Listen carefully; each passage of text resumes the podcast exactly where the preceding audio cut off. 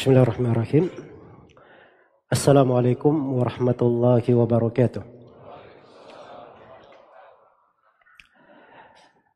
إن الحمد لله نحمده ونستعينه ونستغفره ونعوذ بالله من شرور أنفسنا وسيئات أعمالنا من يهده الله فلا مضل له ومن يضلل فلا هادي له أشهد أن لا إله إلا الله وحده لا شريك له وأشهد أن محمدا عبده ورسوله.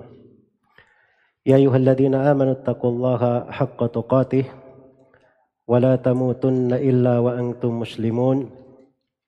يا أيها الناس اتقوا ربكم الذي خلقكم من نفس واحدة وخلق منها زوجها وبث منهما رجالا كثيرا ونساء واتقوا الله الذي تساءلون به والأرحام إن الله كان عليكم رقيبا. يا أيها الذين آمنوا اتقوا الله وقولوا قولا سديدا يصلح لكم أعمالكم ويغفر لكم ذنوبكم ومن يطع الله ورسوله فقد فاز فوزا عظيما. أما بعد فإن أصدق الحديث كتاب الله وخير الهدي هدي محمد صلى الله عليه وسلم وشر الأمور محدثاتها فإن كل محدثة بدعة وكل بدعة ضلالة وكل ضلالة في النار Ma'asyar al-ikhwa wal akhwat, kaum muslimin dan muslimat, rahimani wa rahimakumullah. Alhamdulillah, kita bersyukur kepada Allah subhanahu wa ta'ala dipertemukan di masjid yang mulia ini dalam sebuah kajian semoga Allah Subhanahu wa taala selalu menaungi kita semua dengan rahmat dan hidayahnya dan menerangi hati-hati kita dengan ilmu, keimanan dan petunjuk. Dan semoga Allah Subhanahu wa taala menganugerahkan kepada kita semua keikhlasan dalam ucapan dan amalan, memberkahi kita di dalam segala makna kehidupan ini dan semoga Allah mengampuni segala dosa dan kesalahan dan menjauhkan kita semua dari segala hal yang bisa membahayakan di kehidupan dunia maupun di kehidupan akhirat. Innahu waliyu dalika wal qadiru alaih. Baik, sebelum masuk ke tema pembahasan, ya saya minta maaf kepada Bapak yang memberikan membaca nama tadi, kelihatannya aja yang perlu diralat. Ya saya nggak ada LC di belakang ya. Nabi Shallallahu Alaihi Wasallam bersabda al-mutasyabbi bima la yu'ta kalabihi thawbi zur. Orang yang berkenyang-kenyang dengan apa yang tidak diberi seperti orang yang memakai dua pakaian kedustaan. Ya saya nggak mau disandarkan kepada saya hal yang tidak ada pada saya. Baik. Kemudian yang kedua, uh, semoga Allah Subhanahu Wa Taala memudahkan kita di majelis ini untuk mengkaji sebuah pembahasan penting dari pembahasan yang mungkin di hari-hari ini sangat patut untuk kita renungi. Iya, karena umat ini adalah umat yang dimuliakan oleh Allah Subhanahu wa taala diberi berbagai keutamaan dan kebaikan. Hanya saja kadang di sekitar mereka ada orang-orang yang ingin memasukkan bahaya-bahaya.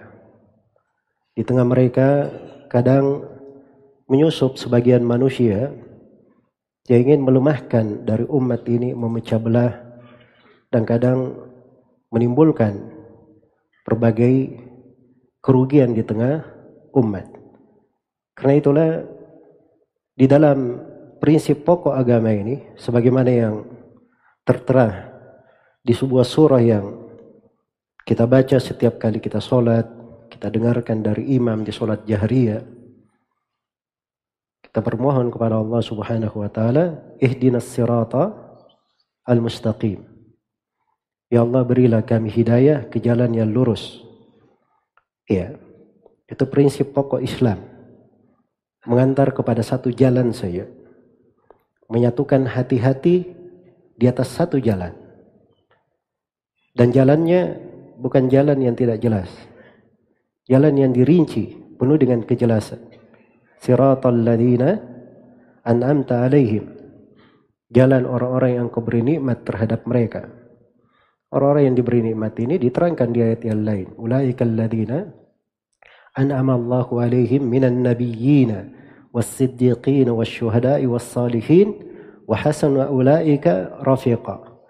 Mereka lah orang-orang yang Allah beri nikmat kepada mereka dari para nabi, para siddiq, para syuhada, dan orang-orang yang salih. Dan mereka adalah sebaik-baik pendamping, sebaik-baik kawan. Iya. Dan Nabi Shallallahu Alaihi Wasallam juga telah merinci akan jalan tersebut. Sebagaimana di dalam Al-Quranul Karim telah dirinci bagaimana lurusnya jalan. Kemudian selain daripada mengajak kepada satu jalan bersatu di atasnya, menyatukan hati padanya, kita juga diingatkan akan bahaya keluar dari jalan. Bahaya berpecah dan bercerai-berai dari jalan itu. Nah itu di kelanjutan surah Gairil makdubi alaihim waladhalin. Diingatkan harus terperinci peringatan. Bukan tidak disebut. Disebut di dalam Al-Quran. Kita baca karena itu dasar dalam Islam. Harus diketahui ada prinsip persatuan dan harus diwaspadai. Ada hal yang bisa memecahkan. Ada al-wala dan ada al-bara. Ada loyalitas dan ada memusuhi siapa yang dimusuhi oleh Allah dan Rasulnya. Iya. Dan itulah petunjuk di dalam agama. Gairil makdubi alaihim waladhalin. Bukan jalan orang-orang yang dimurkai atas mereka dan bukan pula jalan orang-orang yang di, disesatkan. Bukan jalan orang-orang yang disesatkan. Iya, apabila ini dipahami oleh umat Islam dengan baik, maka itu artinya dia paham agamanya. Dia paham agamanya. Karena itu kata Al-Imam Ibnu Akil Abdul Wafa Al-Hambali rahimahullahu taala ketika beliau menjelaskan bagaimana mengetahui umat ini di atas kebaikan atau tidak. Iya. Kata Ibnu Akil Al-Hambali sebagaimana yang dinukil oleh Ibnu Muflih dalam Al-Adab Asy-Syar'iyyah kata beliau idza aradta an ta'lama mahallal islami min ahli zaman Fala tandur ila zihamihim fi abwabil jawami' Apabila engkau ingin melihat kedudukan Islam di penduduk masa kamu, ingin engkau lihat bagaimana Islam itu pada ahli zaman kamu, maka jangan kamu lihat keramaian mereka di pintu-pintu masjid. Mereka ramai di pintu masjid itu belum tentu. Ada kedudukan Islam yang kuat pada mereka. Wala dhajijahum wala dhajijihim fil mawaqif bilabbaik. Dan bukan juga dengan melihat gaduhnya mereka, suaranya yang menggelegar di musim-musim haji dengan mengucapkan labbaik. Wa innama undur ila muwata'atihim ada syariah. Tapi lihat sejauh mana mereka mencocoki, sejauh mana mereka menghadapi musuh-musuh syariat. Sejauh mana mereka menyikapi musuh-musuh syariat. Kata beliau Asya ibn Rawandi wal Mu'arri alaihima la'anul la'ainullah. Kata beliau telah hidup Ar-Rawandi Al-Mu'arri. Al-Mu'arri ini Abu Ala Al-Mu'arri. Dua orang itu di masa dahulu dari kalangan para penyair keluar dari mereka kalimat-kalimat kekafiran. Kalimat-kalimat kekafiran. Dan di sini Ibnu Akil sendiri berkata semoga laknat-laknat Allah menimpa mereka berdua. Iya. Yunabdimun wa yunfirun. Mereka membuat syair-syair mengucapkan kalimat-kalimat kufran dengan kekafiran wa sinin Mereka hidup bertahun-tahun. Wa udzibat kuburuhum. Kuburan mereka diagungkan. Washturiyat tasanifuhum. Karya-karya tulis mereka dibeli. Kata beliau, hada yadullu ala burudatid din fil qalbi. Dan ini menunjukkan dinginnya agama di hati. Ya kalau dari penduduk negeri itu mengingkari dari hal-hal yang besar yang membahayakan umat, ah, itu baru bagus. Mereka kenal Islam dengan benar. Tapi kalau hidup dari orang-orang yang berbuat kerusakan, manusia-manusia bernisbat kepada Islam, tapi berucap kekafiran-kekafiran, apalagi membahayakan umat Islam di negeri-negerinya dengan perpecahan, kerusuhan, menghasut, mengadu domba. Dibiarkan begitu saja, nah, itu menunjukkan dinginnya agama di dalam hati. Tidak ada hal yang kuat. Iya. Karena itulah para ulama dari masa ke masa itu menjelaskan dari bahaya-bahaya yang bisa mengancam negeri ini. Bisa mengancam negeri-negeri kaum muslimin. Iya. Dan kita di hari-hari ini kita menyaksikan dari berbagai bahaya yang mengancam negeri kita. Khususnya dari sekelompok manusia yang ingin memecah belah negeri ini. Membuat penduduk negeri ini terpisah-pisah, terpecah-pecah. Iya. Nah, harus diketahui itu ada makar-makar yang berasal dari luar. Dan ada makar-makar yang disusupkan dari dalam. Disusupkan dari dalam. Dan ini semuanya dari bahaya yang harus diperhatikan. Dan makar yang berasal dari dalam itu lebih dahsyat untuk diingatkan daripada apa yang datang dari dari luar. Karena itu pelajaran pertama kalau baca surah Al-Baqarah, lihat surah Al-Baqarah. Ayat 1 sampai 5 menjelaskan sifat kaum mukminin. Ayat 2 sampai 7 sifat orang-orang kafir. 13 ayat setelahnya menjelaskan sifat kaum munafikin. Orang kafir cuma dua ayat. Kaum munafikin berapa ayat? 13 ayat kaum munafikin. Diterangkan. Dirinci sifat-sifatnya. Orang kafir dia kafir. Di luar, bahaya dari luar. Kau muslimin tahu. Tapi ini memakai pakaian umat Islam. Iya. Berbicara dengan lisan umat Islam. Penampilannya penampilan umat Islam. Dia musuh dari dalam. Karena itu dirinci tentang kaum munafikin di banyak tempat dalam Al-Quran. Dan ada surah-surah khusus berbicara tentang mereka tentang bahayanya dan bagaimana kaum munafikin ini punya potensi yang sangat besar di dalam memecah belah dan dalam membuat kerusakan di tengah umat. Iya. Dan ini belakangan ini masuk sebagian manusia mereka menganggap bahwa kelompok Syiah itu bagian dari umat Islam. Syiah Rafidah. Iya bagian dari umat Islam. Mulai ada yang mengatakan ya kita hargailah. Ya mereka juga madhab dari madhab-madhab Islamia. Madhab kelima. Masya Allah. Ya. Kita di tengah umat ini dikenal ada madhab Hanafi, Maliki, Syafi'i, Hanbali. Ini katanya madhab apa? Madhab kelima. Iya. Itu mulai bergulir seruan itu. Asalnya dari Mesir seruan itu. Belakangan ini pendekatan antara mendekatkan antara sunnah dan apa? Sunnah dan syiah. Iya. Tapi ternyata banyak juga dari tokoh-tokohnya yang menyesal setelah itu. Karena ketika dia ingin cari titik-titik pendekatan antara sunnah dan syiah, tidak diketemukan. Karena buku-buku syiah semuanya bertentangan dengan makna bisa didekatkan.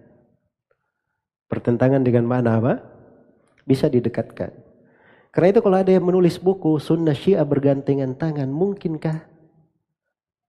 Hah? Nah ini kalau dia bukan orang syiah, berarti ini orang apa namanya betul-betul ingin menipu umat Islam. Iya. Apalagi dari referensi bukunya tidak ada dia sebutkan. Dia baca dari buku asli kaum Syiah. Dan tidak dia sebutkan buku aslinya kaum Sunni, ahli sunnah. Kalau ingin memperbandingkan orang yang adil, dia baca dari buku rujukan asli mereka. Yang merupakan tumbuhan riwayat mereka. Kan begitu. Ini tidak ada rujukannya ke situ. Ya. Maka ini semuanya dari bahaya-bahaya dimasukkan. Ketika ada yang mengatakan bahwa kaum Syiah ini ya itu sebagai salah satu madhab ingin didekatkan kepada manusia seakan-akan tidak berbahaya. Nah di sini justru itulah bahaya yang mengintai umat Islam. Bahaya mengintai umat Islam. Ya mungkin muncul pertanyaan. Kenapa bisa dikatakan bahwa kaum Syiah ini mereka punya sejarah kelam di dalam memecah belah umat Islam. Ya saya akan bacakan sebagian dari sejarah mereka semenjak adanya hingga hari ini. Ya, saya akan tunjukkan di beberapa tempat bagaimana bahayanya di dalam memecah belah umat Islam dan menimbulkan pertumpahan darah serta pengkhianatan terhadap negara-negara kaum muslimin. Kita akan sebutkan. Tapi supaya rasa herannya hilang, saya jawab dulu pertanyaannya. Ya, kenapa mereka punya sejarah kelam seperti itu? Jawabannya kita lihat apa keyakinannya orang Syiah. Sehingga muncul dari mereka perbuatan-perbuatan seperti itu. Baik. Pertama saya akan terangkan sebagian dari keyakinan orang-orang Syiah. Iya.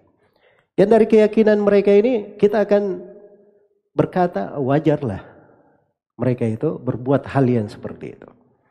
Ini keyakinan-keyakinannya berasal dari buku-buku mereka sendiri. Dari buku-buku mereka sendiri. Iya, ini bukan dongeng atau rekayasa. Tapi ini berasal dari buku-buku mereka sendiri. Keyakinan mereka yang pertama. Orang Syiah meyakini bahwa siapa yang tidak mengakui walaya imam 12, maka hukumnya dia kafir, keluar dari agama. Iya. Siapa yang tidak mengakui keimaman dari imam 12 mereka, maka itu hukumnya kafir keluar dari keluar dari Islam. Karena itu dimaklumi ya, Syiah itu salah satu rukun Islamnya adalah apa? Al-imamah, pengakuan terhadap imam 12.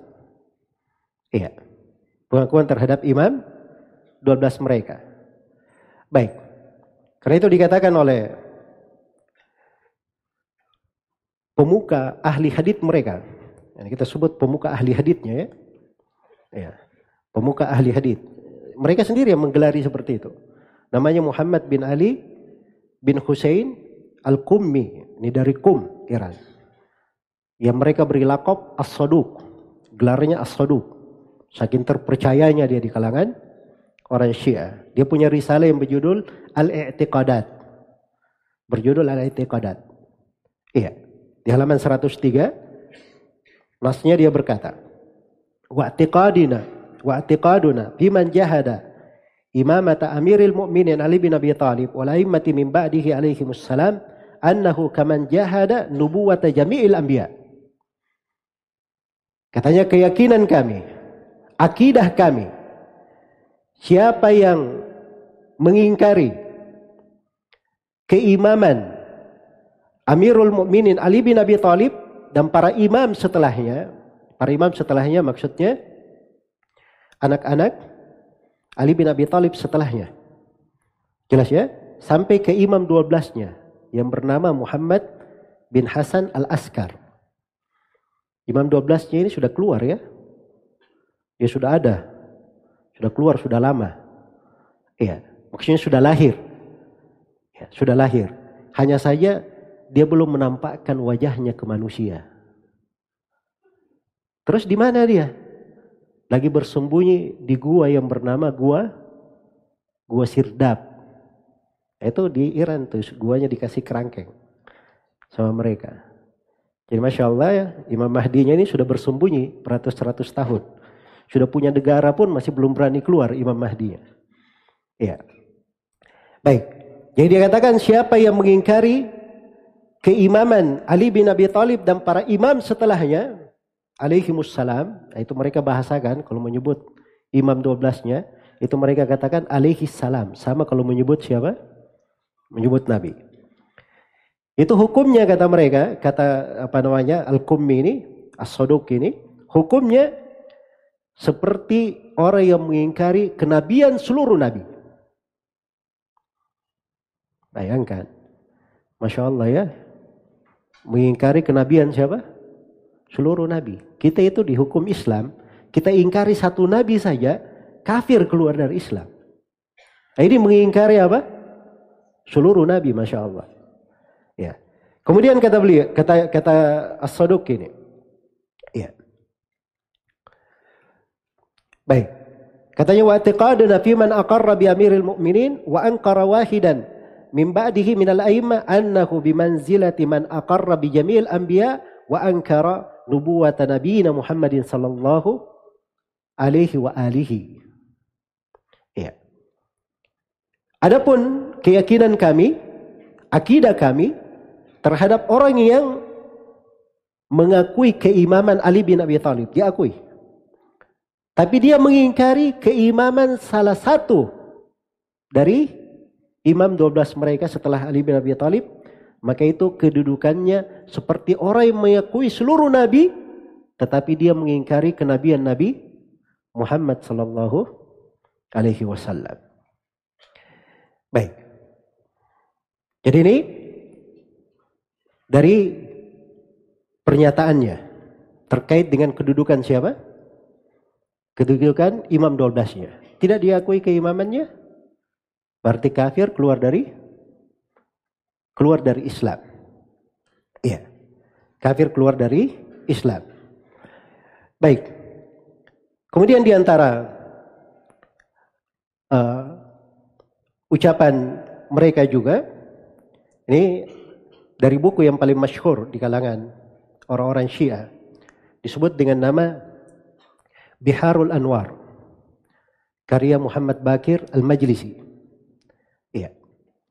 Dia katakan bahwa lafat kesyirikan dan kekafiran itu digunakan untuk orang yang tidak meyakini keimaman Ali bin Abi Thalib dan para imam setelahnya. Jadi hukumnya dua. Disebut musyrik dan disebut apa? Kafir. Masya Allah sekaligus. Dianggap berbuat kesyirikan. Dua labelnya ya, bukan kafir saja. Musyrik juga sekalian. Iya, mungkin kalau ada yang selain musyrik dia akan kumpulkan juga masuk di situ. Baik. Kata beliau fadalla alaihim gairuhum ya. Wa faddala alaihim gairahum yadullu ala annahum mukhalladuna finnar. Kalau ada yang mengutamakan siapa pun di atas imam 12 ini, maka hukumnya mereka ini kekal di dalam neraka. Hukumnya mereka apa? Kekal di dalam neraka. Baik. Jadi ini satu sudut. Iya. Dari keyakinan mereka. Iya. Kemudian dimaklumi di dalam buku-buku Syiah itu, ya. Mereka menganggap bahwa tidak ada keimaman yang syah Selain daripada keimaman imam 12. Tidak ada yang syah. Ya. Jadi kalau ada pemimpin di negeri mana pun, itu asalnya menurut orang Syiah itu kepemimpinan yang tidak syah. Jelas ya? Makanya kalau ada negara, ada misalnya khalifahnya atau ada sekarang misalnya disebut sebagai kepala negaranya apakah itu presiden, raja, ya atau disebut putra mahkota, perdana menteri, apa saja kepala negara itu bagi mereka tidak syah. Sebab yang syah cuman imam 12. Mungkin ada yang bertanya, loh presiden Iran apa kedudukannya bagi mereka? Nah, presiden Iran itu bagi mereka namanya Al-Qaim, Anil Imam. Ya, seorang yang mewakili imam sementara. Jelas ya? Mewakili imam sementara. Jadi memang ini prinsip dasarnya. Prinsip dasarnya. Karena itu kalau dia berada di dalam sebuah negeri, dia tidak akan akui pemerintahan yang ada. Ya. Dia hidup di dalam negeri ini. Mungkin saja sebagiannya ada di majelis menjadi anggota dewan. Tapi bagi dia Pak Presiden Joko Widodo itu bukan presiden. Tidak syah sebagai apa? Sebagai kepala negara bagi mereka. Itu keyakinan mereka. Ada di dalam buku-buku orang-orang Syiah. Kemudian yang kedua, dari keyakinan orang-orang Syiah, dia berkeyakinan bahwa ahli sunnah itu adalah musuh ahlul bait. Ahli sunnah adalah musuh siapa? Ahlul bait. Iya. Baik. Jadi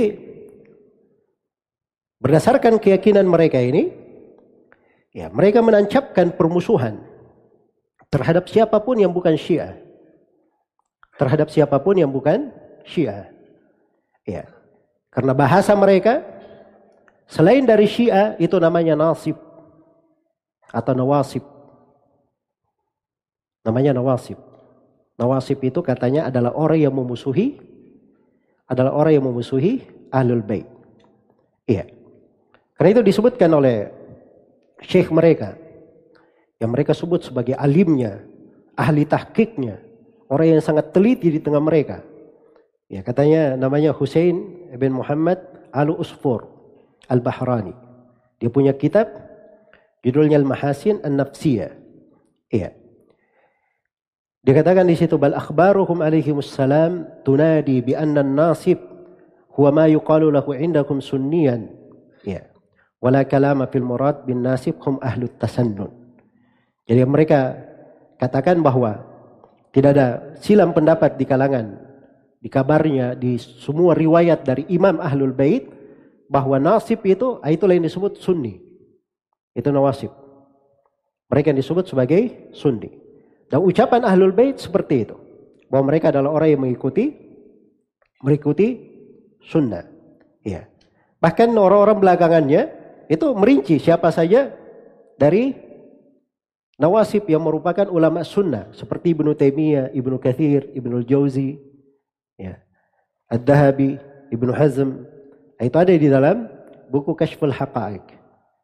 Karya seorang Syiah yang bernama Ali Al-Muhsin. Baik. Jadi permusuhan mereka ya terhadap An-Nawasib itu luar biasa.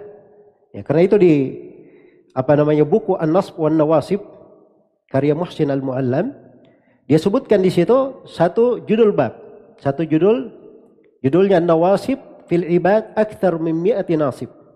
Nawasib di tengah hamba-hamba itu lebih dari 200. Di antara mereka yang nawasib Umar ibn Khattab, Abu Bakar As-Siddiq, Uthman ibn Affan, Ummul Mukminin Aisyah radhiyallahu taala anha, Anas bin Malik, Hasan bin Thabit, Az-Zubair bin Awam, Said bin Musayyab, Sa'ad bin Abi Waqqas, Talha bin Ubaidillah, Imamul Auza'i, Imam Malik, Abu Musa al-Ash'ari, Urwa ibn Zubair, Imam al-Dhahabi, Imam al-Bukhari, Az-Zuhri, Al-Mughira ibn Syu'bah, Abu Bakar al-Bakillani, Al-Syekh Hamid al-Faqih juga masuk di dalam nawasib. Ini belakangan ya. Iya. Jelas ya? Jadi semuanya dihitung sebagai apa? Nawasib bagi mereka. Nah, kalau sudah masuk ke dalam nawasib, itulah hukum-hukum berat. Ya. Di dalam buku-buku mereka terhadap an-nawasib bahwa mereka adalah musuh dari ahlul bait. Kalau musuh dari ahlul bait bagaimana? Halal darahnya. Halal hartanya. Najis di tengah mereka. Najis di tengah mereka. Baik.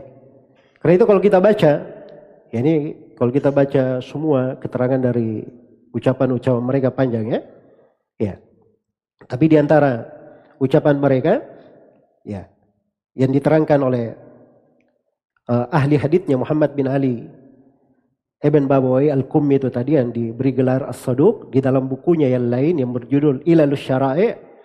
Ya dia meriwayatkan riwayat dari Abu Abdullah salah seorang imam Ahlul Bait. Ditanya bagaimana pendapatmu tentang hukum membunuh nasib? Hukum membunuhnya. Kata beliau halalud dam halal darahnya. Halal darahnya.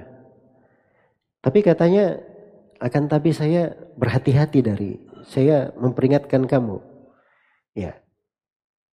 Berwaspada. Kalau kamu mampu misalnya ada nasib, eh, terus ada tembok, kamu dorong tembok itu menimpa dia sampai dia mati, atau ada nasib ahli sunnah, kamu tenggelamkan dia, ya, ke dalam air, tapi dengan catatan tidak ada yang melihatmu, maka silahkan kamu lakukan. Ya, silahkan kamu lakukan. Jadi memang gayanya mereka seperti itu. Jadi kalau mau cari yang terang-terangan, itu Syiah seperti itu gayanya. Jelas ya? Itu sudah metode hidup mereka, gaya hidup. Ya. Jadi mau cari betul-betul Syiah menghadapi itu tidak ada. Karena salah satu akidah mereka juga akan kita terangkan mereka mengatakan belum ada jihad sekarang, tidak boleh ada jihad. Jelas ya? Tidak boleh ada jihad. Jadi seperti itu. Baik. Terus ditanya lagi, bagaimana pendapatmu tentang mengambil hartanya? Itu darah tadi ya, membunuh. Sekarang mengambil hartanya bagaimana? Ya begitu juga, kalau kamu mampu, ambil hartanya. Kalau kamu mampu, ambil hartanya. Dan ini riwayat disebutkan juga oleh beberapa orang Syiah Ar-Hurrul Amili dalam kitabnya Wasailus Syiah atau yang terkenal di belakangan yang disebut dengan nama Ni'matullah Al-Jazairi dalam kitabnya Al-Anwar Al-Nu'maniyah itu dia sebutkan juga tentang bolehnya membunuh nawasib ahli sunnah dan halal akan darah-darah mereka. Iya, halal akan darah-darah mereka. Baik. Ada riwayat mereka juga, ya, disebutkan di dalam kitab Ahkamus Syiah karya Al-Hairi Al-Ihqaqi dia katakan bahwa najis itu ada 12 jenis. Jadi najis ada berapa di kalangan orang Syiah? Ada 12. Ya. Dia sebut orang-orang kafir. Itu najis. Dan dia sebut juga orang-orang nawasib. Itu najis. Dan ini dari kejahilan orang Syiah ya. Karena kafir itu, kalau orang kafir itu bukan najis badannya. Tapi najis apa? Najis keyakinannya, najis ma'nawi. Baik. Dan di antara riwayat-riwayat mereka juga, mereka selain daripada menghalalkan darahnya, menghalalkan hartanya, juga menghalalkan untuk menawan anak-anak dan istrinya. Ya. Ini pikiran mereka. Jadi semua yang bukan Syiah itu sikapnya. Itu sikapnya. Karena itu kalau mereka membunuh, menumpahkan darah, ya memang itu di dalam buku-bukunya. Ajarannya memang seperti itu. Ajarannya memang seperti itu. Baik. Kemudian di antara keyakinan orang-orang Syiah juga yang melandasi sejarah kelam mereka, mereka ini meyakini haramnya berjihad sebelum munculnya Al-Mahdi. Sebelum munculnya Al-Mahdi, imam 12 mereka, Muhammad ibn Askar. Muhammad bin Hasan al-Askar. Jadi sebelum dia muncul, sebelum dia keluar, ah, masih haram berjihad. Tidak boleh ada jihad. Jelas ya? Karena itu akan datang. Nanti bagaimana orang-orang Syiah ini, itu yang menjadi sebab masuknya Tatar ke Baghdad. Iya. Kaum muslimin ingin memerangi orang-orang kafir, Orang Syiah tidak mau mendukung. Bagi mereka belum ada apa? Belum ada jihad. Iya. Tapi giliran mereka berkuasa, dia bunuhi orang-orang di sana sini. Iya. Dia bunuhi manusia di sana sini. Sebagaimana yang akan datang di sebagian catatan sejarah mereka. Baik. Jadi ini beberapa keyakinan Syiah terkait dengan masalah ini. Ya kalau dasarnya adalah hal ini, itu wajar ya. Kenapa mereka ada sejarah kelam? Di dalam menumpahkan darah, memecah belah kaum muslimin, menggulingkan pemerintah kaum muslimin, melakukan pengkhianat kepada pemerintahan. Itu ada di dalam sejarah mereka. Sebabnya karena memang keyakinannya menuntun mereka ke sana. Keyakinannya menuntun mereka ke sana. Belum lagi dari keyakinan-keyakinan yang lain yang memang mengajarkan untuk benci kepada ahli sunnah. Kita ini dituduh menyembunyikan Al-Quran. Al-Quran yang kita baca itu, itu Tidak seperti Al-Quran yang asli katanya. Mereka ada belasan riwayat ya tentang Al-Quran. Ada belasan riwayat. Salah satu riwayat Syiah dari buku mereka yang paling populer. Ya. Yang dikatakan dengan nama Usulul Kafi. Usulul Kafi ini kalau kita umat Islam itu namanya Sahih Al-Bukhari. Tahu Sahih Al-Bukhari ya? Nah ini bagi mereka buku hadis yang paling topnya namanya Usulul Kafi. Di Usulul Kafi disebutkan Quran yang kita pegang itu katanya sepertiga dari mushaf Fatimah milik mereka. Sepertiga. Berarti Qurannya mereka berapa juz kalau begitu? Hah? 90 juz ya kira-kira. Ya, dan lebih uniknya lagi, katanya tidak ada satu huruf pun di mushaf Fatimah itu berada di mushaf kita. Iya. Jelas ya? Dan ini ada dari buku-buku Syiah. Jangan mengatakan rekayasa. Oh itu tidak ada. Ya, itu ada di buku-buku mereka. Karena itu orang yang tidak kenal Syiah, memuji Syiah, itu orang yang tidak baca buku-bukunya saya. Tidak membaca dari buku-buku mereka dan tidak mengerti bagaimana sejarah kaum Syiah ini. Baik. Kemudian di sini saya akan mulai menjelaskan ya beberapa hal dari perbuatan kaum Syiah mereka berkhianat atau membuat kekacauan di dalam menimbulkan perpecahan di tengah umat Islam. Iya. Di tengah umat Islam. Kita mulai yang pertama dari sejarah terbunuhnya Utsman ibnu Affan radhiyallahu taala anhu. Iya. Ini banyak orang yang tidak bercerita tentang sejarah ini. Banyak yang tidak bercerita. Dipikirnya bahwa yang membunuh Utsman bin Affan itu adalah orang-orang Khawarij. Ya, tidak ada hubungannya dengan Syiah. Nah, ini mereka tidak mengerti. Ya. Mereka tidak mengerti bagaimana kaum Syiah ini.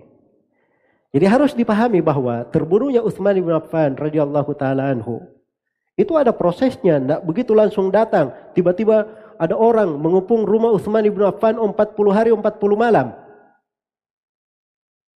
Nah seperti itu kejadiannya. Nah di situlah pencetus Syiah.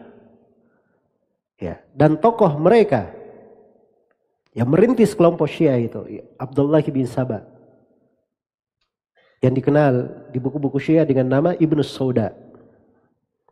Iya.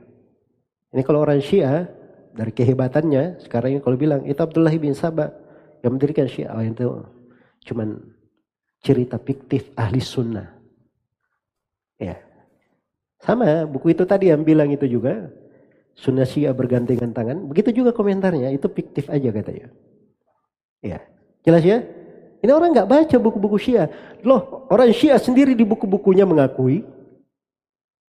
Ada di buku Syiah pengakuan terhadap siapa? Abdullah bin Sabah. Dan itu ditulis sebuah buku tersendiri menjelaskan riwayat-riwayat tentang Abdullah bin Sabah ini. Dan dipastikan orang Syiah sendiri mengakui ya. Dia bukan sosok fiktif. Perbuatannya ada. Tercatat di dalam sejarah. Bahkan Ali bin Abi Thalib sendiri hampir membakar mereka. Ali bin Abi Thalib sendiri hampir membakar mereka. Dan itu ada haditnya di dalam Sahih Bukhari dan Sahih Muslim. Iya. Abdullah bin Sabah ini setelah dia dikejar apa namanya setelah dia melihat di masa pemerintahan Uthman ibn Affan ada hal-hal yang bisa mereka masuki maka dia bergerilya. Ya. Itu makan beberapa tahun dia berkeliling ke negeri-negeri kaum muslimin. Hebatnya untuk membuat isu terhadap siapa Uthman ibn Affan ya jadi kalau di masa sekarang ada yang canggih bikin media, bikin berita hoax. Wah itu sudah kampungan, ketinggalan. Abdullah bin Sabah sudah mendahului kamu. Ya. Jelas ya? Abdullah bin Sabah, dia sudah berkeliling. Ya. Berkeliling. Waktu itu memang betul belum ada HP, tapi dia bisa. Coba berkeliling untuk menebarkan apa? Berita-berita hoax di tengah umat Islam tentang siapa? Uthman bin Affan. Ya. Dan itu menjadi lebih besar ketika Utsman bin Affan radhiyallahu taala anhu mengganti gubernur Mesir yang waktu itu adalah Amr ibn As. Ya. Radhiyallahu taala anhu. Ah, mulai digoreng dari kebijaksanaan siapa? Uthman ibn Affan ini. Ya. Akhirnya keluarlah dari orang-orang dari berbagai kebanyakannya dari Mesir menuju ke kota Medina. Ya. Dan mereka lah yang mengepung siapa? Rumah Uthman ibn Affan radhiyallahu taala anhu. Dan Uthman ibn Affan radhiyallahu taala anhu, beliau dapat hadis dari Nabi sallallahu alaihi wasallam. Iya. Beliau dapat hadis dari Nabi sallallahu alaihi wasallam. Ya beliau pernah masuk di sebuah rumah atau Nabi Shallallahu Alaihi Wasallam pernah duduk di sebuah rumah dan kakinya masuk ke sumur. Maka Abu Bakar Siddiq minta izin untuk masuk. Nabi izinkan untuk Abu Bakar. Iya. Dia juga masukkan kakinya. Kemudian Umar datang minta izin, diizinkan masuk Umar. Kemudian setelah itu datang Uthman. radhiyallahu taala anhu. Begitu masuk ternyata tempat sudah penuh. Ya, dan Nabi beritahu bahwa Uthman bin Affan akan masuk surga tetapi di atas musibah yang akan menimpahnya. Di atas cobaan yang apa? Akan menimpanya. Beliau sudah dengar itu dari Nabi Shallallahu Alaihi Wasallam. Makanya ketika dikepung rumahnya, ya, Uthman bin Affan didatangi oleh para sahabat. Ya. Siap dengan pedang-pedangnya. Sisa diperintah saja untuk memerangi Orang-orang yang mengepung rumahnya ini selesai. Utsman ibn Affan punya hak tentang hal tersebut. Dan ada hukumnya di dalam syariat Islam namanya kitalu ahlil bagi, paling sedikit di situ. Dan masuk ke di dalamnya memerangi kaum khawarij. Itu ada perintahnya dari Nabi sallallahu alaihi wasallam, ada ketentuan hukumnya. Tapi Utsman bin Affan tidak menggunakan haknya. Bahkan Ali bin Abi Thalib, Al Hasan, Al Husain datang kepada Utsman bin Affan ke rumahnya minta agar supaya mereka membereskan orang-orang yang mengupun rupanya. Tapi Uthman tetap memilih bersabar hingga beliau terbunuh radhiyallahu taala anhu di rumahnya di dalam kisah itu. Jelas ya? Baik, dalangnya siapa? Abdullah bin Sabah. Itu kerennya Syiah itu. Ya. Jelas ya? Bagaimana dia bisa membuat kejadian-kejadian besar seperti itu dia di belakangnya. Ya.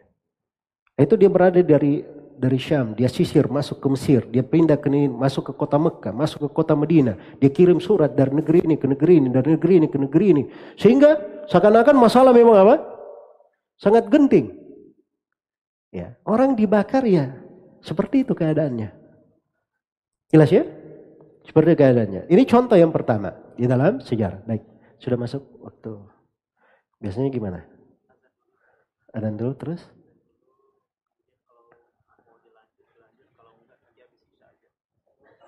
Baik adan dulu, terus jeda antara dan komat saya lanjut sedikit, terus kita sholat ya. Baik.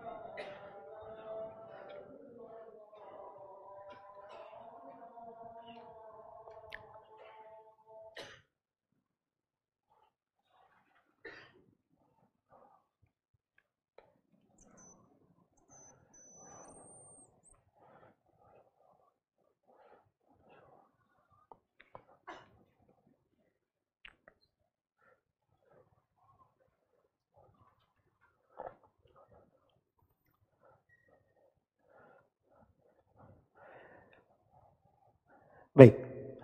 Kemudian di antara hal yang juga perlu diketahui bahwa Syiah ini bukan hanya berkhianat kepada Utsman bin Affan radhiyallahu taala tapi juga mereka mengkhianati Ali bin Abi Thalib sendiri. Mengkhianati putranya juga Al Hasan ibn Ali.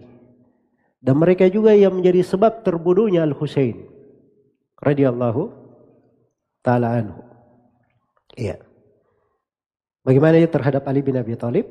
Dimaklumi ya setelah terbunuh ya Utsman bin Affan terjadi perseteruan atau terjadi ada apa namanya masalah antara Ali bin Abi Thalib dan Muawiyah radhiyallahu anhuma. Ya waktu itu Muawiyah memegang wilayah Syam. Iya. Memegang wilayah Syam. Jelas ya? Memegang wilayah Syam. Karena memang sebelum Uthman ibn Affan meninggal, Uthman menjadikan Muawiyah sebagai pemimpin Syam. Dan Muawiyah radhiyallahu taala anhu tidak keliru dalam hal itu. Ya, beri jitihad. Karena dia memang wali gubernur dipasang oleh siapa? Uthman ibn Affan. Ketika Ali bin Abi Thalib dibaiat sebagai Amirul Mukminin, Muawiyah radhiyallahu taala anhu bukan mengingkari kepemimpinan Ali, tetapi dia ingin menunda bayat sampai darah Utsman ibnu Affan dituntut. Dicari orang-orang yang membunuhnya dan dikisah. Itu ijtihadnya siapa? Ijtihadnya Muawiyah radhiyallahu taala anhu. Ala kulli hal ini perselisihan antara Ali dan Muawiyah itu perselisihan di tengah para sahabat. Mereka semua ahli ijtihad. Kalau benar dapat dua pahala, kalau salah dapat satu pahala. Kalau kita ikut-ikutan, kita dapat apa? Kita dapat dosa. Jelas ya? Baik. Karena itu ahli sunnah itu tidak membicarakan secara detail apa yang terjadi di tengah mereka, kejadian-kejadian dan seterusnya. Yang jelas di antara pendukung Ali bin Abi Thalib kebanyakannya adalah penduduk Irak. Ya. Salah satunya secara khusus penduduk Kufa. Penduduk Kufa. Dan dimaklumi dalam sejarah bagaimana mereka berkhianat terhadap Ali bin Abi Thalib. Bahkan kadang ikut di dalam pasukan Ali bin Abi Thalib. Berada dalam pasukan tiba-tiba kabur, hilang. Pulang ke rumahnya. Jelas ya? Nah, ini orang-orang Syiah ini. Orang-orang Syiah. Baik. Demikian pula terhadap Al-Hasan bin Ali radhiyallahu anhuma. Juga mereka berkhianat akan hal itu. Ya. Jadi ketika Ali bin Abi Thalib radhiyallahu taala anhu terbunuh oleh Al-Majusi apa terbunuh oleh siapa? Uh, Abdurrahman bin Muljim. Ya. Maka waktu itu Al Hasan bin Ali dibaiat sebagai khalifah menggantikan ayahnya. Iya, menggantikan ayahnya. Dan dimaklumi Al Hasan bin Ali, subhanallah, sangat cerdas sekali. Didatangi oleh orang-orang Syiah. Iya, dari penduduk Irak ini. Datang mereka. Mereka berkata, kami akan bersama engkau berdiri untuk menghadapi Muawiyah dan penduduk Syam. Maka kata Al Hasan, iya baik. Dia Al-Hasan seakan-akan membuat arah pasukan akan berperang menghadapi Muawiyah. Begitu sudah jalan dan ternyata didengar oleh Muawiyah, mereka juga sudah bersiap-siap pada kabur semua ini orang Syiah. Ya. Ini sudah diketahui oleh siapa? Al Hasan bin Ali radhiyallahu taala anhu. Beliau ingin mempermalukan mereka. Iya. Ini kisah-kisah disebutkan ya oleh At-Tabari rahimahullahu taala dan selainnya. Baik. Al Hasan bin Ali setelah itu beliau karena didatangi oleh Abu Bakrah Nufai ibn al Harith dia berkata kepada Al Hasan bin Ali, "Wal Hasan, saya mendengar dari Nabi sallallahu alaihi wasallam sebuah hadis dan waktu itu engkau masih kecil, masih berada di atas pangkuan Nabi sallallahu alaihi wasallam. Nabi bersabda, "Inna ibni hada sayyid La'allahu yuslih baina ta'ifataini 'azimataini minal mu'minin. Sungguhnya anakku ini, putraku ini, maksudnya Al-Hasan. Nah, karena itu keturunan Al-Hasan itu semuanya disebut Ahlul Bait. Sebab Nabi menganggapnya sebagai siapa? Sebagai putranya. Jelas ya? Iya. Sungguhnya anakku ini itu adalah seorang pemimpin. Nanti dia akan mendamaikan dua kelompok besar dari umat Islam yang bertikai. Ya mendengar hadis itu Al Hasan tahu apa kewajibannya. Ya. Maka beliau pun menyerahkan kekuasaan kepada Muawiyah radhiyallahu taala anhu. Menjadilah Muawiyah Amirul Mukminin. Dan itu tahun dikenal dengan tahun persatuan. Setelah itu 30 tahun umat Islam dalam tahun persatuan. Ya. Gara-gara satu hadis dihafal oleh Abu Bakar, dia simpan sampai di masanya disampaikan kepada siapa? Eh? Kepada Al Hasan Ibn Ali. Satu hadis yang dia hafal. Karena itu saya selalu berkata kepada kawan-kawan para penuntut ilmu, jangan meremehkan dari ilmu yang dipelajari. Mungkin hari ini tidak kelihatan faedahnya. Gak tahu di hari esok, di hari lusa. Ya. Ilmu itu bisa menjadi obat, bisa menjadi kawan, bisa menjadi suatu penyelesaian sepanjang tetap bersama seorang hamba maka pasti akan bermanfaat untuk dia. Iya. Dan terakhir mereka juga berkhianat kepada siapa? Al-Husain radhiyallahu taala anhu. Iya. Al-Husain radhiyallahu taala anhuma. Semoga Allah meridhai beliau dan meridhai ayahnya. Ali bin Abi Thalib radhiyallahu taala anhuma. Baik. Jadi Al-Husain ini ini juga oleh orang-orang Syiah di Kufah. Ya, ketika Muawiyah radhiyallahu taala anhu meninggal, maka di tahun 60 Hijriah anaknya Yazid bin Muawiyah dibaiat sebagai khalifah. Dan umurnya waktu itu masih 35 tahun. Masih 35 tahun. Baik. Maka waktu itu sebagian sahabat belum membeat. Seperti Al-Husain. Kemudian Abdullah bin Zubair. Iya. Dan Abdullah bin Zubair sendiri, beliau setelah itu dibeat oleh penduduk Mekah dan daerah-daerah yang berada di sekitarnya. Sehingga beliau syah sebagai Amirul Mukminin. Sebagai Amir Al-Mu'min diakui, dibayat oleh Abdullah bin Umar waktu itu. Jelas ya? Jadi ada pemerintahan di Syam, ada pemerintahan di Mekah. Ya. Jadi kalau datang Hizbut Tahrir orang-orang jahil ini mengatakan khalifah harus pemimpin seluruh dunia, ya ini orang tidak pernah belajar memang. Jelas ya? Tidak mengerti. Makanya sembarang bicara. Dengan alasan itu dia tidak mau menerima pemimpinan. Nah, ini mirip dengan orang-orang Syiah, cuman gaya bahasanya yang beda. Gaya bahasanya berbeda. Kalau Syiah imam 12-nya saya, yang harus diakui selain dari mereka tidak syah. Kalau ini, mereka menganggap pemimpinnya syah itu cuman khalifah yang memimpin dunia. Ya, kalau Indonesia ini tidak syah bagi mereka. Itu kejahilan ya. Menyelisih Al-Quran, menyelisih hadith Rasulullah SAW, dan menyelisih kesepakatan para ulama. Jadi Al-Husain waktu itu belum membeat. Ya, dikerjai lagi oleh orang-orang Kufah. Dikirim surat Al-Husain. Oh, banyak sekali surat sampai kepada Al-Husain. Ratusan. Sampai Al-Husain, subhanallah. Ya, mereka berkata, datanglah ke sini. Kami akan membeatmu. Iya, akan membeatmu. Maka waktu itu Al-Husain radhiyallahu taala anhu mengirim keponakannya Muslim bin Akil. Muslim bin Akil. Ya. Dia kirim ke sana untuk melihat. Setelah Muslim bin Akil tiba di sana, ya. Akhirnya mereka pun menyambut Muslim bin, bin Akil dengan sambutan yang hebat. Nah, dia kirim berita kepada Al Husain agar supaya datang dan mereka juga sudah menyampaikan beatnya, menyampaikan beatnya. Nah, begitu Al Husain menuju ke sana, sebelum berangkat beliau dinasihati oleh Ibnu Abbas, oleh uh, Ibnu Umar dan selainnya dari para sahabat yang masih hidup agar tidak ke sana. Tapi itu ketentuan Allah Subhanahu wa taala kehendaki. Ya, beliau berjalan ya, sebelum tiba di sana Yazid bin Muawiyah mengirim pasukan. Ya, mengirim pasukannya yang dipimpin oleh Ubaid bin Ziyad, gubernur Kufah untuk menanggapi kejadian tersebut. Maka setelah itu dipastikan, ya, maka ditahanlah, ya, apa namanya orang-orang yang terlibat di dalamnya dan Muslim bin Akil sendiri, rahimahullah beliau terbunuh dan penduduk Kufa ini semuanya hilang. Yang tadinya jumlahnya 4 ribu itu semuanya pada kabur, tidak ada yang muncul. Jelas ya? Tidak ada yang muncul.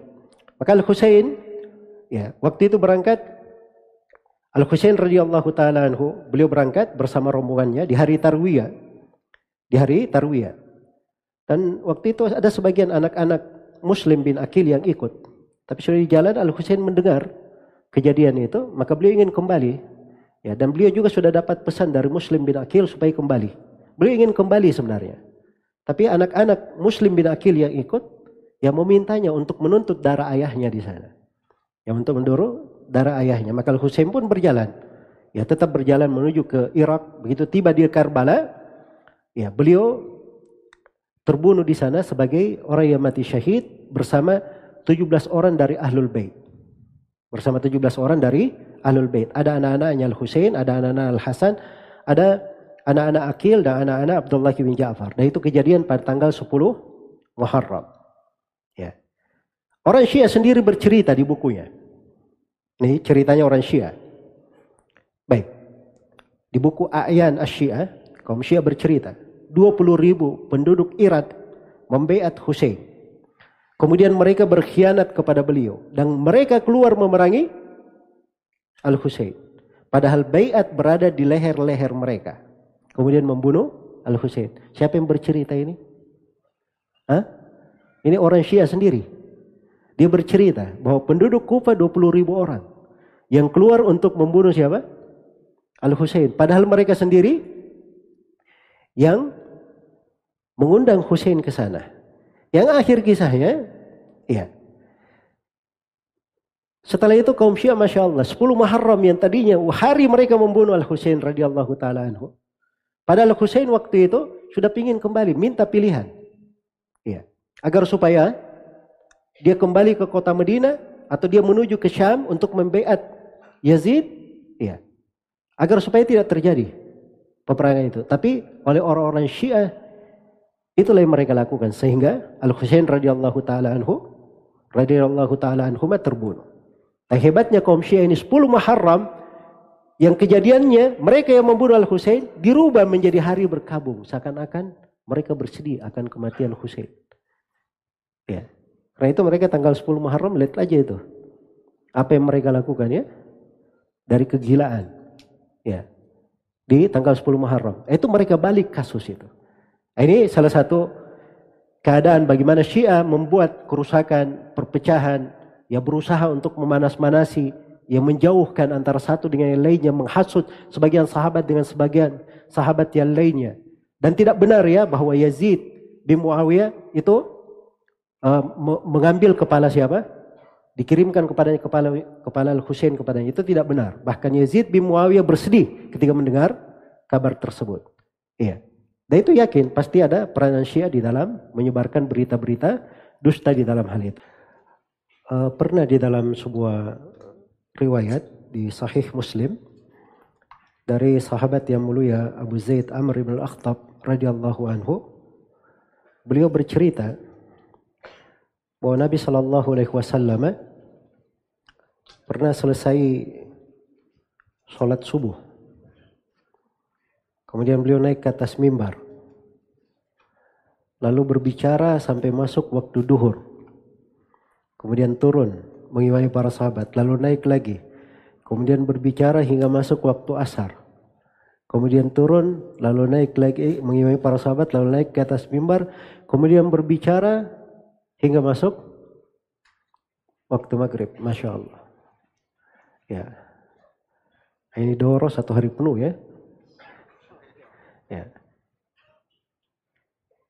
Apa yang beliau bicarakan? Beliau bercerita tentang kejadian-kejadian yang akan terjadi. Tentang fitnah-fitnah yang akan terjadi. Maka kata Amr bin Akhtab yang paling kuat hafalannya di antara kami itu yang paling banyak pengetahuannya. Yang paling banyak pengetahuannya. Jadi memang Nabi Shallallahu Alaihi Wasallam itu kadang memberikan kepada para sahabatnya hal-hal mengingatkan perkara-perkara yang bisa mengancam dan membahayakan. Jelas ya? Bukan cuma bercerita tentang perkara-perkara yang sifatnya membangun, menyejukkan hati, menyegarkan hati. Karena hati itu dia perlu dua sesuatu di dalamnya. Perlu hal yang menghiasinya, mempercantiknya, memperindahnya, dan perlu sesuatu yang membentenginya. Perlu sesuatu yang membentenginya dan melindunginya. Nah, itulah ilmu di atas dua bentuk. Jadi tema pembahasan kita ini masuk ke bentuk yang mana? Nah, masuk ke dalam bentuk yang membentengi. Semuanya masuk di dalam pembahasan-pembahasan ilmu. Baik, kalau kita lanjutkan dari sejarah-sejarah itu banyak sekali ya dicatat di dalam sejarah. Khususnya mencatat sejarah seperti ini adalah Ibnu Kathir rahimahullahu taala dalam kitabnya Al-Bidayah wan Nihaya. Iya. Itu ada pengkhianatan Syiah di masa Harun ar-Rasyid. Ya. Kemudian tatkala berdiri negara mereka, pernah pernah negara punya negara sebelumnya disebut di wilayah Maghrib, di wilayah Maroko, disebut dengan nama Al-Fatimiyah. Ya. Itu pada mulainya dari tahun 172. 172. Di situ bagaimana mereka menghapus sunnah dan menghidupkan syiah. Menghapus sunnah dan menghidupkan pemahaman syiah. Dan berbagai kengerian yang mereka lakukan. Sampai datang, apa namanya, uh, di tahun 278 setelah selesai wilayah Fatimiyah itu ada namanya Al-Qaramitah. Ya. Ini juga luar biasa ya di dalam kejadian-kejadian yang mereka lakukan di dalam sejarah. Ya. Seperti di tahun 294 Hijriah mereka menghadang jemaah haji ketika kembali dari Mekah menunaikan manasik haji. Ya, lalu diperangi jemaah haji itu oleh mereka. Tapi masya Allah ini jemaah hajinya juga tidak menyerah. Ya, mereka menghadapi. Nah, begitu dapat perlawanan, mereka mengajak berbicara. Ini kalian di tengah kalian ini apakah ada sesuatu dari apa namanya wakil pemerintah di tengah kalian, sultan? Kata mereka tidak ada. Oh kalau begitu kita bukan menginginkan kalian. Jadi kesankan seakan-akan maaf kami salah. Maka jemaah haji ini berjalan. Begitu sudah tenang dibuat makar oleh mereka sehingga jemaah haji ini dibunuh dari awal hingga akhirnya. Iya. Ini salah satu perbuatan Al-Qaramiyah.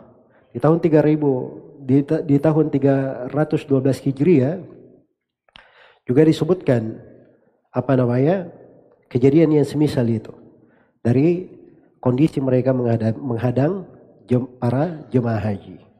Iya. Baik. Kemudian di antara pengkhianatan yang paling tercatat dalam sejarah dan bagaimana mereka mencoblah negeri kaum muslimin adalah pengkhianatan Al-Alqami. Ibnu Al-Alqami disebut. Nama lengkapnya Muhyiddin, Muhyiddin Abu Talib Muhammad bin Ahmad Al-Alqami. Iya. Dan ini di kejadian disebutkan oleh Ibnu Katsir. Kisahnya ini di kejadian tahun 642 Hijriah. Dia diangkat, Ibnu Al-Alqami ini diangkat oleh khalifah waktu itu Al-Mu'tasim Billah diangkat sebagai wazir, diangkat sebagai perdana menterinya. Ya. Maka begitu Tatar masuk, ya. Begitu Tatar masuk dan ini disebutkan oleh Ibnu Katsir di kejadian 656 Hijriah. Begitu Tatar masuk, tentunya terjadi apa namanya suatu hal yang dahsyat antara mereka dengan Tatar. Tapi belakangan oleh Ibnu Al-Alqami ini dikatakan tidak usah menghadapi mereka. Nanti saya akan melobi mereka. Jadi dikesankan bahwa dia ini melobi dan seterusnya padahal dia sudah bikin kesepakatan dengan orang-orang Tatar ini. Maka diundanglah khalifah dalam sebuah acara. Kemudian diundang pasukannya. Kemudian dikesankan tidak apa-apa diletakkan senjata. Khalifahnya dipanggil masuk bersama rombongannya. Maka semua dari pasukannya dibunuh dari awal hingga akhirnya dan khalifahnya berserta apa namanya keluarganya juga akhirnya seperti itu. Baik. Dan disebutkan oleh Ibnu Katsir rahimahullahu taala di kejadian ini kata beliau ada perbedaan pendapat tentang berapa jumlah korban musibah yang menimpa kaum muslimin waktu itu. Ada yang mengatakan yang meninggal waktu itu 800 ribu orang. Dan yang mengatakan 1 juta 800 ribu orang. Dan yang mengatakan 2 juta orang yang meninggal. 2 juta orang. Karena itu tercatat sangat kelam sekali Ibnul Al-Qami ini. Ya kalau ada namanya pengkhianat yang modelnya oh nggak apa-apa, nanti saya saya bisa lobby, saya juru damai. Jadi ini jadi tapi ujung-ujungnya dia sebenarnya ingin menghancurkan negerinya. Ya, menumpahkan darah di dalamnya. Dan memang setelah dia Tatar membunuh khalifah, dia diangkat sebagai apa? Sebagai pemimpin di wilayah itu oleh orang-orang Tatar. Demikian pula kaum Syiah berkhianat pada hal yang sama dengan masuknya Tatar di negeri Syam. Itu pada tahun 658 Hijriah. Juga disebutkan oleh Ibnu Katsir. Ya. Demikian pula masuk di Halab. Ya, Halab ini juga masih di wilayah Syam sekarang ya, masuk di wilayah Syam. Itu pada tahun 657 Hijriah. Baik. Dan ini dicatat dalam sejarah banyak sekali kejadian-kejadian. Sampai kejadian-kejadian yang terjadi belakangan ini. Apa yang mereka buat di Kuwait, ya, apa yang mereka lakukan di Bahrain, bahkan di Saudi Arabia sendiri. Bagaimana perbuatan kaum Syiah ya, untuk membuat perpecahan-perpecahan di beberapa di beberapa wilayah Saudi Arabia sendiri. Ya. Dan jangan lupakan bagaimana Yaman hingga hari ini itu semuanya perbuatan dan pengkhianatannya orang-orang Syiah yang menjual negerinya kepada Iran dan yang semisal dengannya. Iya. Dan juga seorang itu bertanya, ini Al-Qaeda. Orang itu taunya Al-Qaeda dulu di mana dia bermainnya? Di Afghanistan, kan begitu? Kok tiba-tiba Al-Qaeda ada di Suriah? Tiba-tiba ada di Suriah, kemudian bikin kelompok tersendiri dengan nama ISIS. Kan begitu? Ini nyeberangnya dari mana? Masa loncat? Dari Afghanistan tiba-tiba lompat semua tiba-tiba ada di mana? Tiba-tiba ada di Suriah. Itu lihat saja di petanya itu melalui wilayah Iran. Tidak ada tempat lain untuk lewat. Jelas ya? Jadi tentang keterlibatan mereka di berbagai negara untuk membuat perpecahan dan kekacauan di tengah umat Islam itu sudah terjadi dari masa ke masa hingga hari ini. Ya, termasuk di negeri kita ini. Termasuk di negeri kita ini. Mungkin ada yang pernah dengar kejadian sebagian wilayah di Sampang sana yang disergap oleh sebagian kaum muslimin. Yang mereka keliru ya.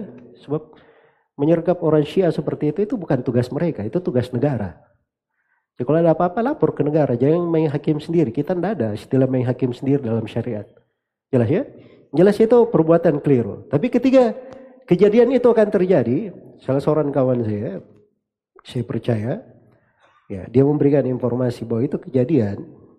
Ada seorang wartawan luar negeri yang memberi informasi kepada wartawan-wartawan yang lain, bahkan besok akan terjadi kejadian di sana. Kalian pergi meliput. Jadi masya Allah belum terjadi sudah menunjuk untuk meliput di sana. Ya. Dan memang setelah kejadian itu, wah mulailah semua kamera mengarah ke sana. Ya, kelompok yang katanya didolimi dan seterusnya. Ditampilkanlah tokoh-tokoh Syiah, mulai dia bicara di televisi. Sebenarnya keyakinan kami apa? Hmm. Akhirnya dapat peluang untuk apa? Berbicara tentang keyakinan mereka dengan cara menipu, berdusta. Ya. Dan di sela-sela perdebatan, ya kadang ya muncul ucapan-ucapan mencela para sahabat. Mencela para sahabat. Nah, itu itu semua yang mereka inginkan. Bagaimana bisa tampil dan diketahui oleh manusia walaupun dia harus korbankan kawan-kawannya sendiri.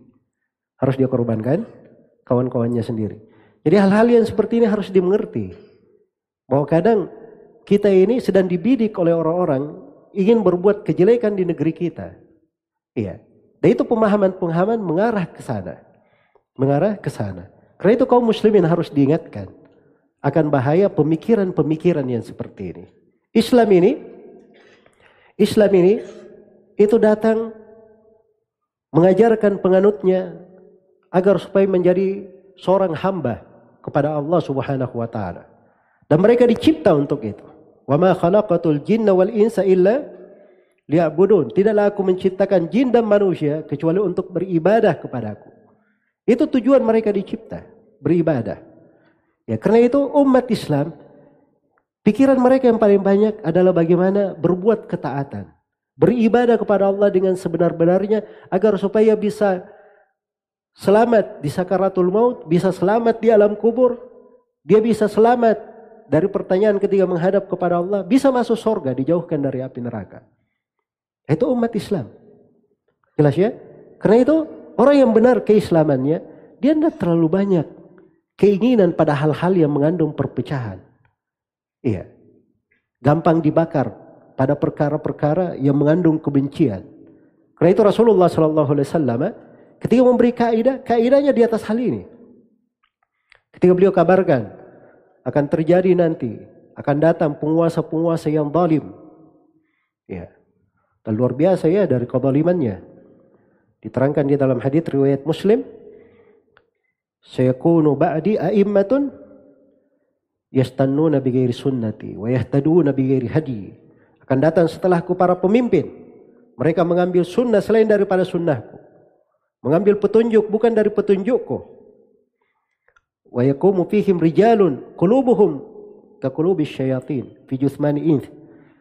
Akan berdiri di tengah mereka sekelompok lelaki. Hati-hatinya seperti hati syaitan di jasad-jasad manusia. Perhatikan penggambarannya ya. Luar biasa, mengerikannya. Hudzaifah bertanya Rasulullah, kalau saya dapati yang seperti itu apa yang saya lakukan?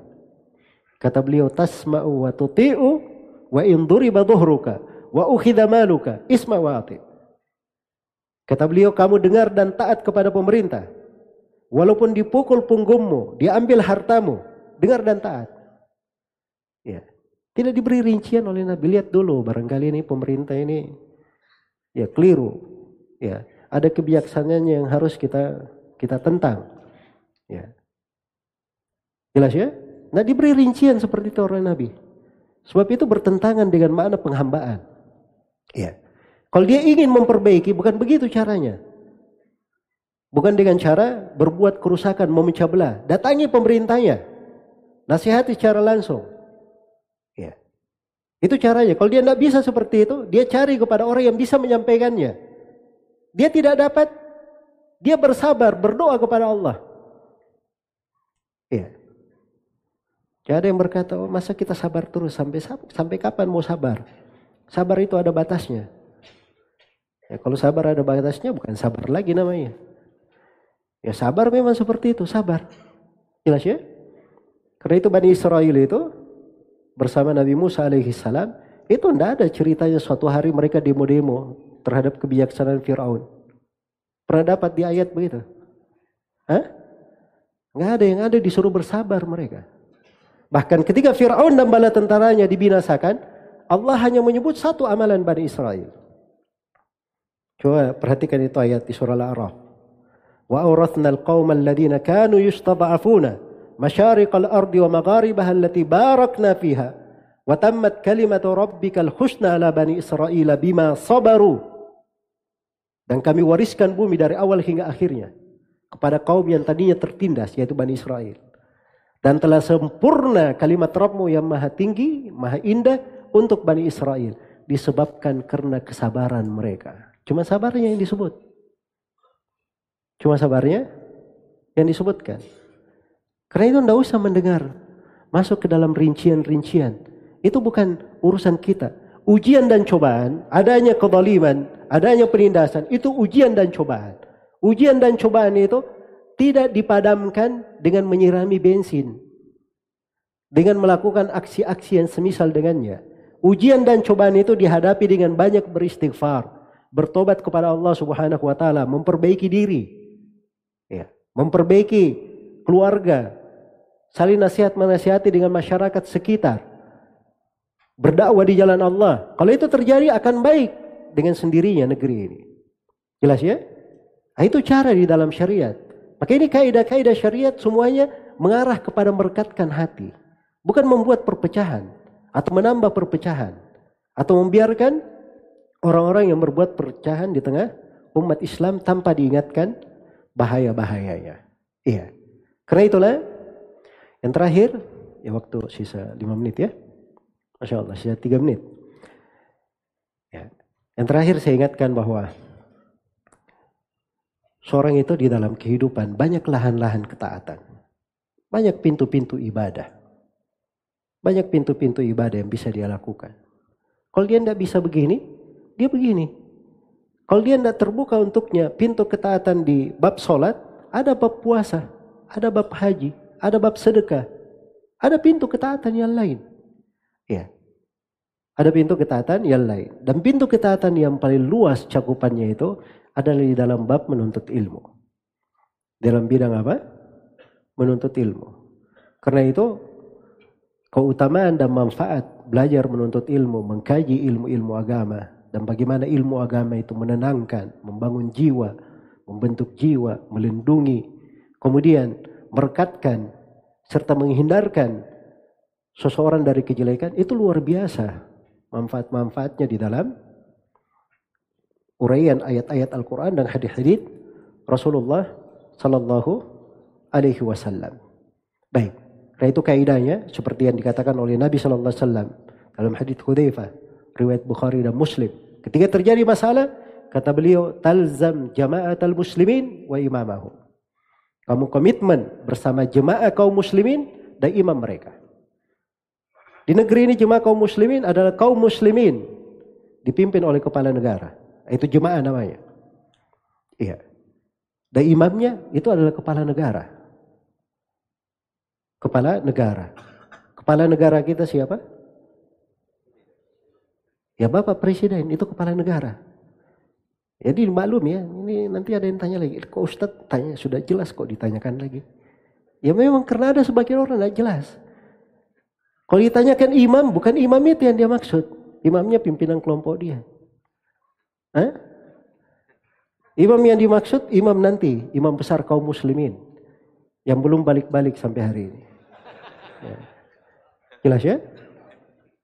Tidak benar ya di dalam memahami. Imam itu di dalam sudut syariat, orang masuk di dalam sebuah negeri bertanya siapa pimpinan kamu, semuanya menunjuk ke sana, itu imam. Itu ukuran Imam Ahmad rahimahullah. Jelas ya? Itu imam besar dan tidak boleh berkata ada imam besar. Itu istilah keliru dalam syariat. Imam besar itu kepala negara. Ya, kalau ada yang berkata ada imam besar di Saudi Arabia sana, ya itu dijatuhkan hukum gantung itu atau hukum penggal di Saudi. Hukum mati harusnya. Kenapa? Sebab Nabi memberikan ketentuan. Man atakum wa, amkur, wa amrukum jami yuridu ayyashukka asal muslimin fadribu unuqal akhiri minhuma kainan mankan.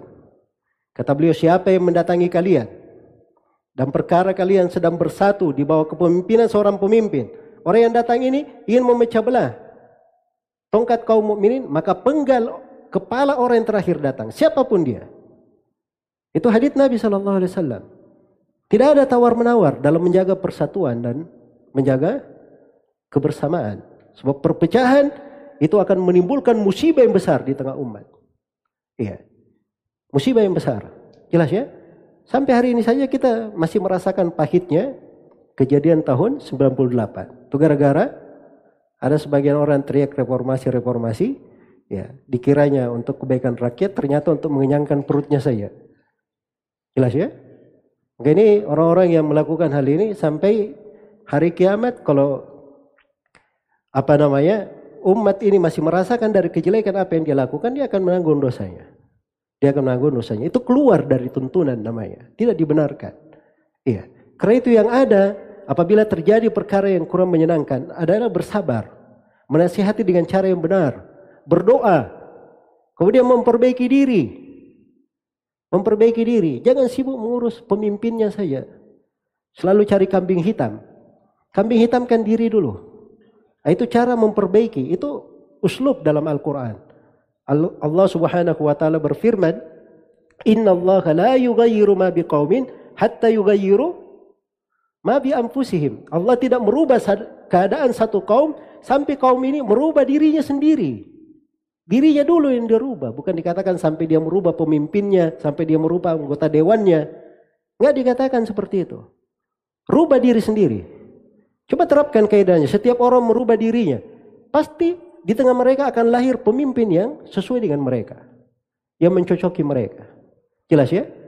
Karena memang tabiatnya seperti itu. Yang keluar dari orang-orang yang zalim, biasanya yang zalim juga. Keluar dari orang yang salih biasanya orang yang salih juga. Ya, itu kaidah umum disebut dalam Al-Qur'an. Wa kadzalika nuwalli ba'dadh-dhalimina ba'dhan bima kanu yaksibun. Demikianlah sebagian orang zalim memimpin zalim yang lainnya disebabkan karena perbuatan dia sendiri. Jadi kalau menganggap misalnya pemimpinnya zalim, pertanyaan pertama tanya dulu diri kita. Ya, barangkali kita banyak melakukan kezaliman ini. Perbaiki diri, introspeksi diri. Ya. Karena itu ketika masa pemerintahan Hajjat bin Yusuf, Masya Allah ini ya. Hajjat bin Yusuf ini pemimpin zalim. Dan hidup di masa banyak ulama di masa itu. Ya, bayangkan ya Al-Hasan Al-Basri, Said bin Jubair, Ibrahim An-Nakhai. Ini siapa tokoh-tokoh ulama ini yang masyhur di buku-buku hadis riwayat-riwayatnya. Ya. Ini pemerintah mereka di masa orang-orang soleh ini. Apa kata Al-Hasan Al-Basri? Hajat ini adalah adab siksaan Allah Subhanahu wa taala dari cobaan Allah. Padamkan dengan cara kalian beristighfar dan bertobat kepada Allah Subhanahu wa taala. Itu fikihnya mereka. Ketika datang manusia mengadukan bagaimana perbuatan Hajat bin Yusuf kepada Anas bin Malik, Anas bin Malik berkata, "Isbiru hatta talqauni alal haud." Sabarlah kalian sampai kalian menjumpaiku di telaga. Demikian saya dengar dari nabi kalian, Nabi Muhammad sallallahu alaihi wasallam. Apa yang terjadi? Mereka cuma sabar. Setelah itu, siapa yang memerintah menjadi khalifah? Hah? Umar bin Abdul Aziz. Iya. Itu buah dari kesabaran. Buah dari kesabaran. Jadi jangan dikira ahli sunnah itu tidak ada konsep. Ini ahli sunnah cara demo-demo tidak pernah muncul. Ya. Jelas ya? Urusan pemilu tidak ikut-ikut. Ya. Urusan pemilu tidak ikut-ikut. Ya, tapi kalau ada urusan yang ingin memecah belah negeri ini, ingin berpisah dari Indonesia, oh enggak. Itu bukan kita tidak ikut-ikut. Kalau pemerintah meminta kita untuk berjihad, ya maka insya Allah kita akan mengulangi sejarah yang paling depan untuk hal tersebut. Itu sudah pernah kita lakukan di sebagian wilayah yang lain. Dilakukan oleh kawan-kawan kita. Itu dengan izin pemerintah. Harus dia tahu saya. Jadi itu caranya seperti itu. Itu kaidah di dalam syariat. Ya, kaidah di dalam syariat. Dan seperti itu memang. Cara mengobati, cara menjaga, bertindak sesuai dengan kaidah syariat. Bukan dengan semangat, dengan apa? Dengan mengandalkan uh, perasaan, tapi seorang berpijak di atas ketentuan syariat. Semoga Allah Subhanahu wa taala memberi taufik kepada semuanya dan semoga Allah uh, selalu menjaga kita di atas kebaikan, menghindarkan kita semua dari segala kejelekan, menjaga negeri kita ini dari segala hal yang bisa membahayakannya. Dan saya bermohon kepada Allah Subhanahu wa taala supaya memberi taufik kepada para pemerintah kita supaya dibimbing kepada jalan yang lurus dan selalu dikuatkan di atas kebenaran, diberi pendamping orang-orang yang baik yang bisa mengarahkannya kepada kebaikan. Dan kita bermohon kepada Allah siapa yang menghendaki kejelekan untuk negeri ini, semoga Allah Subhanahu wa taala menjadikan kebinasaannya di belakang makar yang dia lakukan. Dan semoga Allah Subhanahu wa taala menunjukkan dari tanda-tanda kebesarannya di dalam kehancurannya, dalam kehancuran orang yang ingin memecah belah umat Islam. Dan semoga Allah Subhanahu wa taala selalu uh, mengukuhkan kita di atas ketaatan, membukakan untuk kita pintu-pintu kebaikan dan selalu membuat kita cinta untuk belajar Islam dan sunnah Rasulullah Sallallahu Alaihi Wasallam lebih baik dan lebih mendalam lagi. Sebagaimana Allah yang telah memuliakan kita bertemu di tempat yang baik dan mulia ini dalam suasana ketaatan. Saya bermohon kepadanya semoga Allah Subhanahu Wa Taala selalu menguatkan kita di atas Islam dan Sunnah di kehidupan dunia ini di sakaratul maut, di alam kubur dan tatkala kita semua kembali kepadanya dan saya bermohon kepada Allah yang mempertemukan kita di tempat ini. Semoga kita semua dipertemukan kelak di kemudian hari di sorganya yang penuh dengan kenikmatan. Innahu waliyu dzalika wal qadiru alaih wallahu taala alam. Dan saya mohon maaf atas segala macam kekurangan dan saya berterima kasih kepada takmir masjid atas kesempatan yang telah diberikan. Semoga Allah memberikan dan melipat gandakan pahala sebesar-besarnya di dalam hal tersebut. Wallahu taala alam. Subhanakallahumma wa bihamdik asyhadu an la ilaha illa anta astaghfiruka wa atubu ilaik. Walhamdulillahi rabbil alamin. Wassalamualaikum warahmatullahi wabarakatuh.